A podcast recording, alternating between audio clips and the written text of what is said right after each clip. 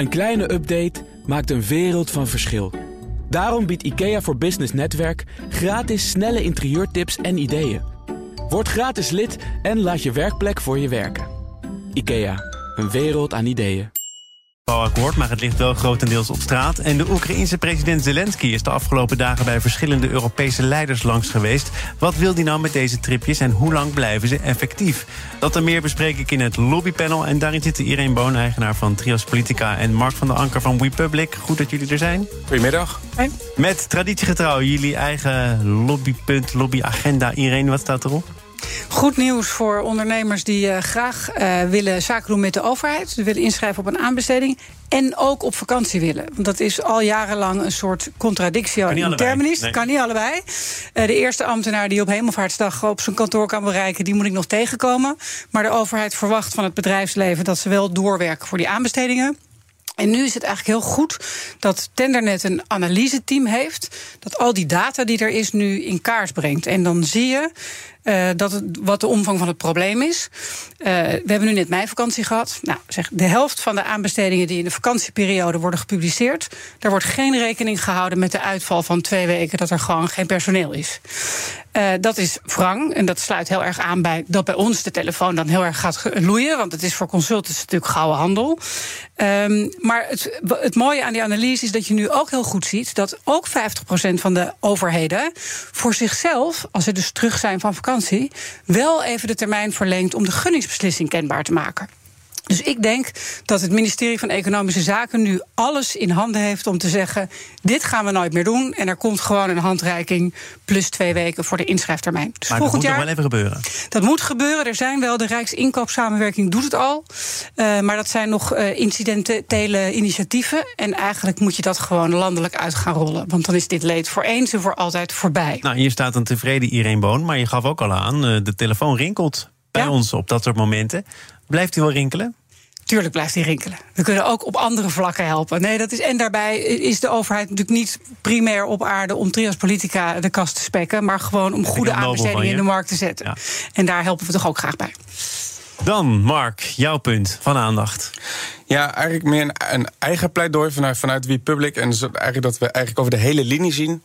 Een, een eigenlijk een aandachtspunt vanuit onze klanten. Uh, dat, uh, nou ja, discussie in Den Haag gaat heel vaak over digitale onderwerpen. Uh, maar dat zijn vaak onderwerpen op het moment dat ze boven water komen. Dan wordt politiek Den Haag wakker. Denken, denken ze, daar moet wat mee. Een recent voorbeeld is daarvan de opkomst van ChatGPT en andere AI. Uh, nou, dat bestaat al een tijdje. Maar nu weten we het allemaal dat het, uh, dat het de snelle, dat het de vlucht neemt. Um, en ja. Het, af, het, huidige kabinet, ik wil zeggen het afgelopen, het huidige kabinet. Uh, nou, niet heeft de vooruit. He, loopt niet op de feiten vooruit. Maar het huidige kabinet heeft een goede stap gezet aan het begin gemaakt. door een staatssecretaris aan te stellen voor digitale zaken. En de Kamer heeft een aparte commissie voor digitale zaken. Maar dit is echt niet genoeg. Dus uh, er is echt behoefte aan een ministerie voor technologie. waar ook ambtenaren zitten die echt verstand en kennis van zaken hebben. en weten waar het over gaat. Want of dat nou over AI gaat. of uh, hoogwaardige technologie zoals bedrijven als ASML. en en discussie over de export. We moeten dat op een hoger niveau tillen. Dus weg met een staatssecretariaat, maar een minister voor uh, technologie in het hoort volgende kabinet. Een, hoort daar ook een, ministerie bij of een minister bij? Weet je pas dat het geborgd is op het moment dat er weer iemand op het bordes staat? Helaas wel. Uh, en nee, het is niet geborgd als, het, als er iemand op een bordes staat, want dat is leuk voor het plaatje, maar het gaat erom dat je er wat mee doet. Maar het laat wel zien als je er een minister, en een ministerie van maakt, dat je het erg belangrijk vindt. Uh, en er is nu aandacht voor, dat is het begin. Maar technologie is niet meer de bij. Technologie is wat alle ministeries uh, over, over, overheen gaat. En daar is, daar is echt wel meer aandacht voor nodig dan, dan wat er nu wordt gegeven. Ministerie erbij hierheen, want dat is ook af en toe in de mode om te kijken, nou, is het allemaal wel nodig? Of nee, ja, we moeten juist meer ministers aanstellen, want anders raken ze burn-out. Uh, hoe kijk jij naar, naar dit soort zaken? Dat als er een belangrijk thema is, dat je daar dan toch ook een minister aan moet koppelen? Nou, ik vind het eigenlijk een heel goed voorstel van Mark. Ik denk zeker, en zeker bij zo'n onderwerp, dat vergt specialistische kennis. Uh, en die doe je niet van de ene op de andere dag op. Dus die mensen zullen ook moeilijk te vinden zijn. En als je daar een ministerie voor maakt, dan, be, dan beleg je het net wat dieper in, uh, in het systeem dan met een staatssecretaris, die je toch ook weer wat makkelijker vervangt. Ja, die, en ook nog de uh, zaken van buiten, van buiten Nederland, maar binnen het Koninkrijk in een portefeuille heeft. Ja. Ja.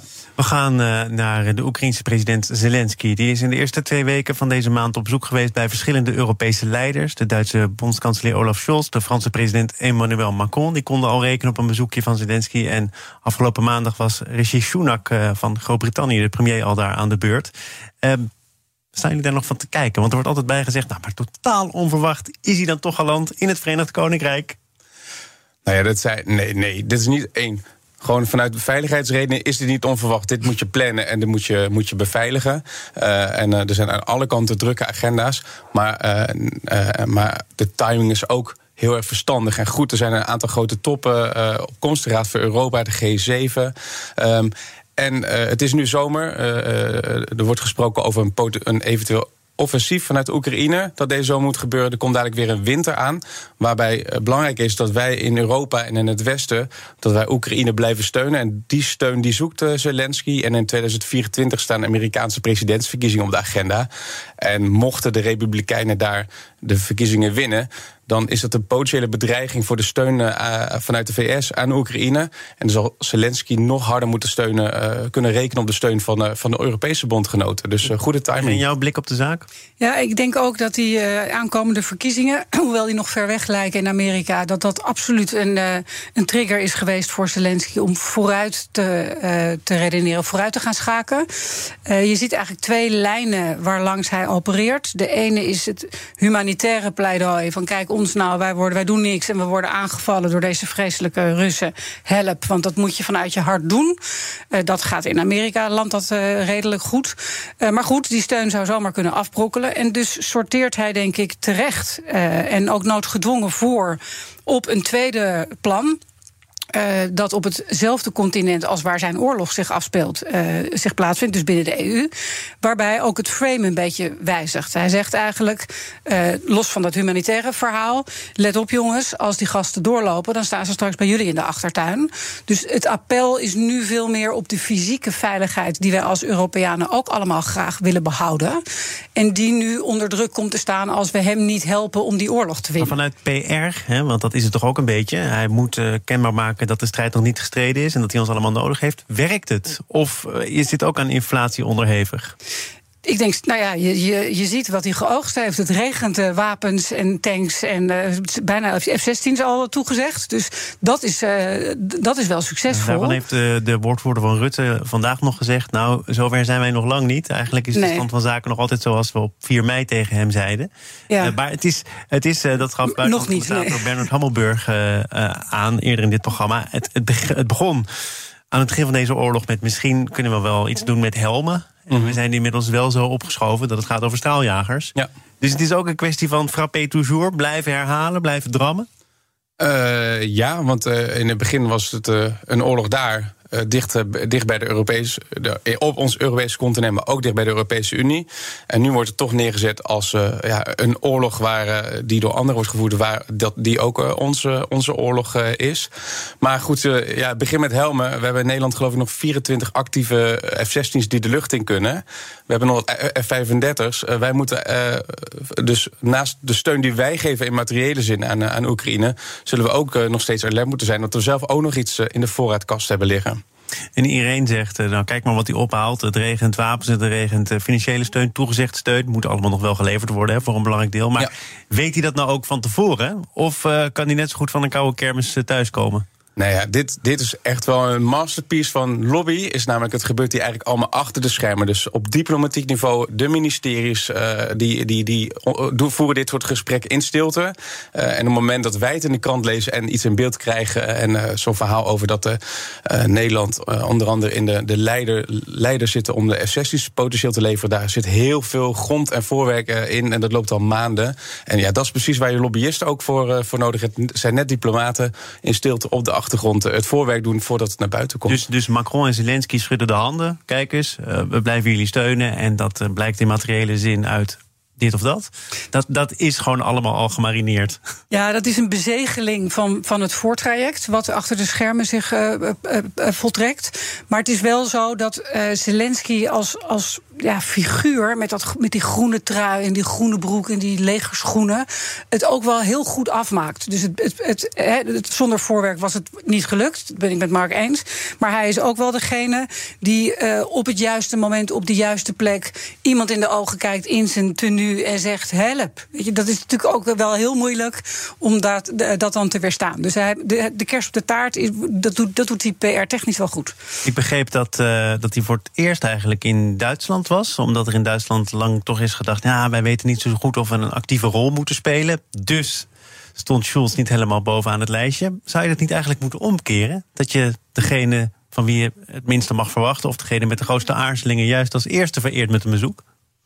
Nou, kijk, in Duitsland ligt alles wat militair is natuurlijk nog steeds gevoelig. Um, dus ik begrijp wel dat je daar niet heads first uh, meteen op de deur gaat rommelen. Ik denk dat het verstandig is om uh, te laten zien en de Duitsers een beetje te laten wennen aan het offensief wat hij nu doet. En ze er langzaam maar geleidelijk bij te trekken. En het is ook heel goed. Het heeft goed voor me uitgepakt. Ja, nee, ik denk. Prijs, prijs in ontvangst genomen over ja? nog even en passant in Duitsland. Uh, vanwege zijn verdiensten voor de eenwording van Europa. Klopt, klopt. En, uh, ja, en uh, kijk, dat is altijd mooi een prijs ergens uh, voor krijgen, maar ook meer, nou, heel veel meer dan verdiend. Maar ik denk ook dat, dat eigenlijk wat je ook in lobby doet, is een stakeholder matrix maken. Kijken wie zijn mijn vrienden, wie kan ik, moet ik nog over de strepen trekken. En in dit geval heeft hij gekeken van, goh, hoe kan ik zorgen dat de partners van Duitsland overtuigd zijn, waardoor Duitsland in dit geval ja. niet heel veel anders kan dan, dan daarin meegaan. Dus ja, ja, ook gewoon pure lobby en ja, absoluut goede branding. Ja, we gaan naar uh, pure lobby en puur lekken in het tweede deel van dit panel. BNR Nieuwsradio. Zaken doen. Thomas van Zeil. Het lobbypanel wordt uh, ingevuld vandaag door Irene Boon en Mark van der Anker. Stoppersregelingen waarmee boeren uitgekocht kunnen worden, wekken interesse op bij boeren. Dat merken ook agrarische makelaars. Maar er heerst ook onduidelijkheid over de hoogte van de vergoeding en het beroepsverbod. Daarover schrijft het FD. Ondertussen zijpelt er op de dag dat er een concept landbouwakkoord gepresenteerd zou moeten worden. Ook steeds meer uit over de maatregelen die daarin staan. En laat ik daar maar mee beginnen. Minister Adema die baalt er stevig van, heeft u ook laten weten, want er wordt nog volop onderhandeld. En ondertussen kunnen we het over bedragen hebben, over sancties hebben, over hoeveel koeien er op een uh, voetbalveld passen of niet. Hoe kan het nou gebeuren, Irene? Ja, weet je, Thomas, het is net politiek. Het is net alsof het in Den Haag zich allemaal afspeelt, waar dit natuurlijk aan de orde van de dag is. Ja, dit hoort erbij. Er zijn zoveel partijen uh, bij betrokken, uh, die allemaal weer net andere belangen hebben. Uh, dit is all in the game. En over die makelaars gesproken, ik wil toch nog even onder de aandacht brengen dat een makelaar heeft natuurlijk een professie die erin bestaat om de prijs te drukken of omhoog te, te krijgen. Dus als je verkopend makelaar bent, dan zeg je: kijk eens, recent gerenoveerd met behoud van originele details. En als je aankopend makelaar bent, dan zeg je nou, er is wel heel veel achterstallig onderhoud. Dus dat die niet zo tevreden zijn, vind ik niet heel verrassend. Maar dat is ook lobby. Hè? Dat gaat dan Tuurlijk. volgens mij in vakjargon over de gecorrigeerde vervangingswaarde. Dat kan verkeerd uitpakken, want het wordt berekend aan de hand van de grootte en het bouwjaar. Hoe nieuwer de stal, hoe hoger de vergoeding. Ja. Onderhoud staat en functionaliteit spelen geen rol. Nee, en dan zeggen die makelaars, nou, dat zou wel eens heel vervelend kunnen uitpakken in de praktijk. Ja, dat heb je wel eens met een maatregel op papier en een uitwerking in de praktijk. En dus moet je als makelaar daar je stinkende best voor doen. Wat uh, typerend is aan de berichtgeving hier weer, vind ik, is dat uh, het geluid wat er vanuit die uh, agrarische sector komt, blijft een beetje hangen in, nou, het is niet goed, het is niet genoeg, het is niet wat we willen. Het is één grote nee-houding. En die is in een lobby best wel functioneel op een bepaald moment. Maar die verliest zijn functionaliteit als je niet op een gegeven moment, ik zeg altijd maar, doorschakelt. Een soort versnellingsbak, waarbij je op een gegeven moment van drie naar vier en bijvoorbeeld je moet je hele bedrijf gaan verbouwen. Je moet uh, kijken naar hoeveel koeien er nog bij je bedrijf passen. Je moet de stoffenbalans gaan aanhouden. Je moet duurzaam gaan uh, uh, verbouwen het vergt ook nogal wat. En dan wordt er gezegd, ja, dat uh, duurzaam verbouwen, die duurzame landbouw, dat kost geld. Maar bij wie de prijsstelling komt te liggen, dat weten we eigenlijk nog niet. Kan de groothandel zijn, kan de supermarkt zijn, nee. kan de klant zijn, kan de boer zijn. Ja. ja ik, ik, zou ook niet meteen zeggen, nou, uh, we tekenen. Uh, nee, maar kijk, ja, boeren zijn niet vaak bekend omdat ze heel snel tevreden zijn. Dat, dat ligt in de aard van, uh, van, van, van het beroep. Dat geeft niet. Maar als je een marktwaarde krijgt die 100 tot 120 procent is... Van, voor iets waarvan je potentieel je vergunning kwijtraakt... dus eigenlijk de marktwaarde nul. Want in principe heb je dan geen bestaansrecht meer. Dus op het moment, dus 100 tot 120 procent is heel mooi.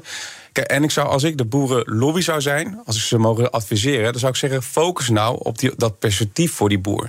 Dus oké, die gemeenten kunnen dus echt wel werk doen door te zeggen: goh ik heb dus afstand gedaan van, uh, van mijn vee. Ik ben gestopt met mijn boerenactiviteit. Ik heb een beroepsverbod. Maar wat mag je dan wel doen? Dus haal dan die agrarische, uh, de bestemming van als agrarische sector af, de uh, maar maakt er kleinzakelijke dienstverlening van. Zodat die boer kan uh, een zorgboerderij of een camping kan starten. Maar in ieder geval iets anders kan doen. En ik begrijp, die klacht begrijp ik. Ik zou daar meer op inzetten. En de details waar de makelaars mee komen, lijken me op sommige punten relevant. Andere vallen een belang, omdat ze er uiteindelijk ook beter van worden, die makelaars. Want hoe hoger de prijs, hoe meer zij waarschijnlijk zullen uh, verdienen. Uh, maar doe dat gewoon in de uitvoering. Ga die discussie over de details niet op nationaal niveau. En, en in grote lijnen, dat landbouwakkoord, dat is nu een paar keer uitgesteld. Ja. Volgens mij is de inzet nu, we moeten voor hemelvaart. Dat is dus eigenlijk vandaag met iets komen om te kunnen presenteren en uh, verder te kunnen praten. Ja. Als je dit soort deadlines weer niet zou halen, ja. wat dan? Bestaat er zoiets als D-Day? Of, ja, de, of is ja, het pas D-Day ja. als die partijen allemaal echt niet meer met elkaar willen praten? Nee, uh, de, de, ik heb begrepen dat de minister het niet erg vindt als er wat vertraging optreedt. Als er dan maar een gedragen en een goed akkoord uitkomt. Maar er is een D-Day. En die D-Day is uh, 2030. en, uh, en, en, en, en, en, en, op het moment dat Nederland blijft vaststaan. Op het moment dat niemand bereid is om te bewegen. dan gaan er hardere maatregelen volgen. En dan zal dat op een gegeven moment betekenen. dat waar je nu nog 100 tot 120 procent krijgt. dat je straks met, lege, met minder genoeg genoegen moeten nemen. En ook omdat het draagvlak in de samenleving dan ook weg is. Ja, daarom. Je moet doorschakelen. Ik nog een keer. Want je moet nu zeggen: oké, dit is de deal die we hebben. We vinden hem nog niet optimaal. Over die uh, bestemming, dus die campings die ze erbij houden hè, als nevenactiviteit. Dat is inderdaad een bestemmingsplan kwestie. Maar dan kan je wel zeggen: ja, dat is dus allemaal onzeker. En dat weten we dus allemaal niet. En al wat zijn we zielig, want ja, ja wij, wij weten het allemaal niet. Ga nou eens een manifest maken. Ga nou gewoon eens tien punten op een rijtje zetten en zeggen: luister, wij hebben uh, dit probleem als we straks ja zeggen tegen die regeling. Daar resteren vier punten. En ons voorstel is dat u onze bestemming wijzigt naar kleinzakelijke dienstverlening. Of u introduceert een categorie voormalig agrarisch, waarmee je dus hoofd- en nevenactiviteit kunt houden. Maar maak nou eens een voorstel. Uh, in plaats van te blijven hangen in een soort. Ja, het is allemaal niet goed en ik weet het, het allemaal niet. Je vindt het gezeur. Van ja, nou, ik vind het niet slim. Oh, ja, uh, en ik vind het niet functioneel. Dus ik denk dat ze met de tijd uh, draagvlak verliezen. En dan, dat krijg je niet meer terug door weer alle vlag op zijn kop te hangen en weer naar dat Malieveld te gaan. Je moet het wel afmaken op het moment dat je die regie hebt. En er komt bij, we betalen het uiteindelijk met z'n allen. De rekening is de, die betalen wij met z'n allen als samenleving, de belastingbetaler. En als we niet hier betalen, dan betalen we in de supermarkt, want daar moet hij dan ook uh, betaald worden. Nou, wil ik dus... zo meteen nog even over doorpraten. nog, nog één kwestie die ja? ik pik uit het bulletin, namelijk agractie. Ja. Daarvan zou je kunnen zeggen opgestaan plaatsvergaan, want zij hebben het landbouwakkoord en het overleg daarover verlaten. Ja. Maar ze zeggen nu wel, ja, maar als dit het is, dan kan ik me niet voorstellen dat andere boerenpartijen daar hun handtekening onder zetten. Ja. Heeft dat invloed? Nee, ja en nee. Ja, het, ja, nee het, het, heeft meerdere kanten. Uh, uh, ze zetten daarmee de anderen onder druk. Namelijk, uh, waarom zouden jullie wel akkoord gaan? Misschien helpen ze zelfs die anderen wel als de anderen wel akkoord gaan, zit agractie in een, in een moeilijke situatie. En je mag, je mag wel eens weglopen van de onderhandelingstafel. Dat kan je een paar keer doen en daarna ben je ongeloofwaardig. Nee, maar ze doen een appel op de, de grondhouding van hun achterban. En die is natuurlijk, we zijn boos en we, we vinden het allemaal, we zeggen gewoon nee. Maar ook, we kunnen eigenlijk niet zo goed formuleren. Dat hoor je die boeren ook zeggen over Caroline van der Plas. Zij geeft woorden aan wat wij voelen. Ja. En daar speelt Agractie denk ik op in. Die zegt gewoon, nou, ik kan me niet voorstellen dat jullie hier ja tegen zeggen. En dan horen die boeren, nou ja, we moeten dus nee zeggen. Nou ja, oké, okay, dit zijn onze vertegenwoordigers. We blijven nee zeggen. Ik denk echt dat het voor een deel bij de harde kern er zo aan toe gaat. Ja, we gaan naar de supermarkt, want Mark, dat was je toch al van plan. Ja. Uh, supermarkten doen te weinig om mensenrechten, zoals discriminatie of moderne slavernij te voorkomen stelt de Question Mark Foundation in een rapport. De Superlijst Sociaal 2023 verscheen gisteren. En in Nederland wordt dat onderzoek ondersteund door Oxfam, Novib en Solidaridad. Uh, en ik wil beginnen met Eline Achterberg. Zij is mensenrechten-expert verbonden aan Oxfam Novib. En ze zegt in de Telegraaf: Het is elke keer hetzelfde liedje. De supermarkten schrikken van de resultaten, beloven beterschap, zeggen dat ze in gesprek gaan. En vervolgens gaat het allemaal veel te traag. Ja. Is het daarmee niet ook van beide partijen, want je kunt dit als een lobby beschouwen, een soort rituele dans? Zij komen met een onderzoek, is niet in de haak. Supermarkten zeggen, klopt niet, gaan we iets aan doen. Ja. Je kunt het uittekenen. Ja, kijk, ik denk dat, dat, dat het goed is dat, dat zo'n partij er is die, die dit soort issues aan de kaken stelt. Maar wat mij ook al opvalt de laatste tijd, de discussie rondom de supermarkten, is de supermarkt lijkt wel onze samenleving in het klein. Dus uh, of het nou gaat over mensenrechten, of over duurzaamheid, of over een eerlijke prijs voor de boer, of over uh, de eiwittransitie, of over staatsgeld, of over plasticvermindering. Uh, alle, uh, heb ik het nog niet eens gehad over uh, fout, zout, vet en suikerreductie. Nu, heb je echt een hele lange lijst. Ja, maar echt alles vindt plaats in de supermarkt. En de supermarkt lijkt op dit moment de, de, plek waar alles moet gebeuren. Nou, dat gebeurt er ook. En daar wordt ongelooflijk hard aan gewerkt in de supermarkten. Ongelooflijk hard gewerkt. De best presterende supermarkt krijgt volgens deze stichting nog altijd een onvoldoende op dit gebied. Ja, maar wat is de schaal waar langs ze meten? dat klopt. Alleen, uh, dat klopt. En er is ook echt wel werk aan de winkel. Eén wat ik even wil laten zien is wat er allemaal bij de supermarkt komt te liggen, liggen waar de verantwoordelijkheid van de samenleving, van de politiek zich allemaal wijzen naar die supermarkt. Waar uiteindelijk de consument bepaald en betaald. Dus uiteindelijk maar de consumentenkeuze. En er ligt zeker verantwoordelijkheid voor de supermarkten... waar zeker ook grote stappen worden gezet. En het ook absoluut stukken beter kan dan dat het nu eh, gaat.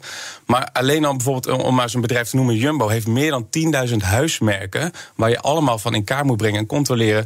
of dat allemaal volgens de juiste uh, eh, ESG-normen gaat. En, en dat, vind je, dat vind je overtrokken?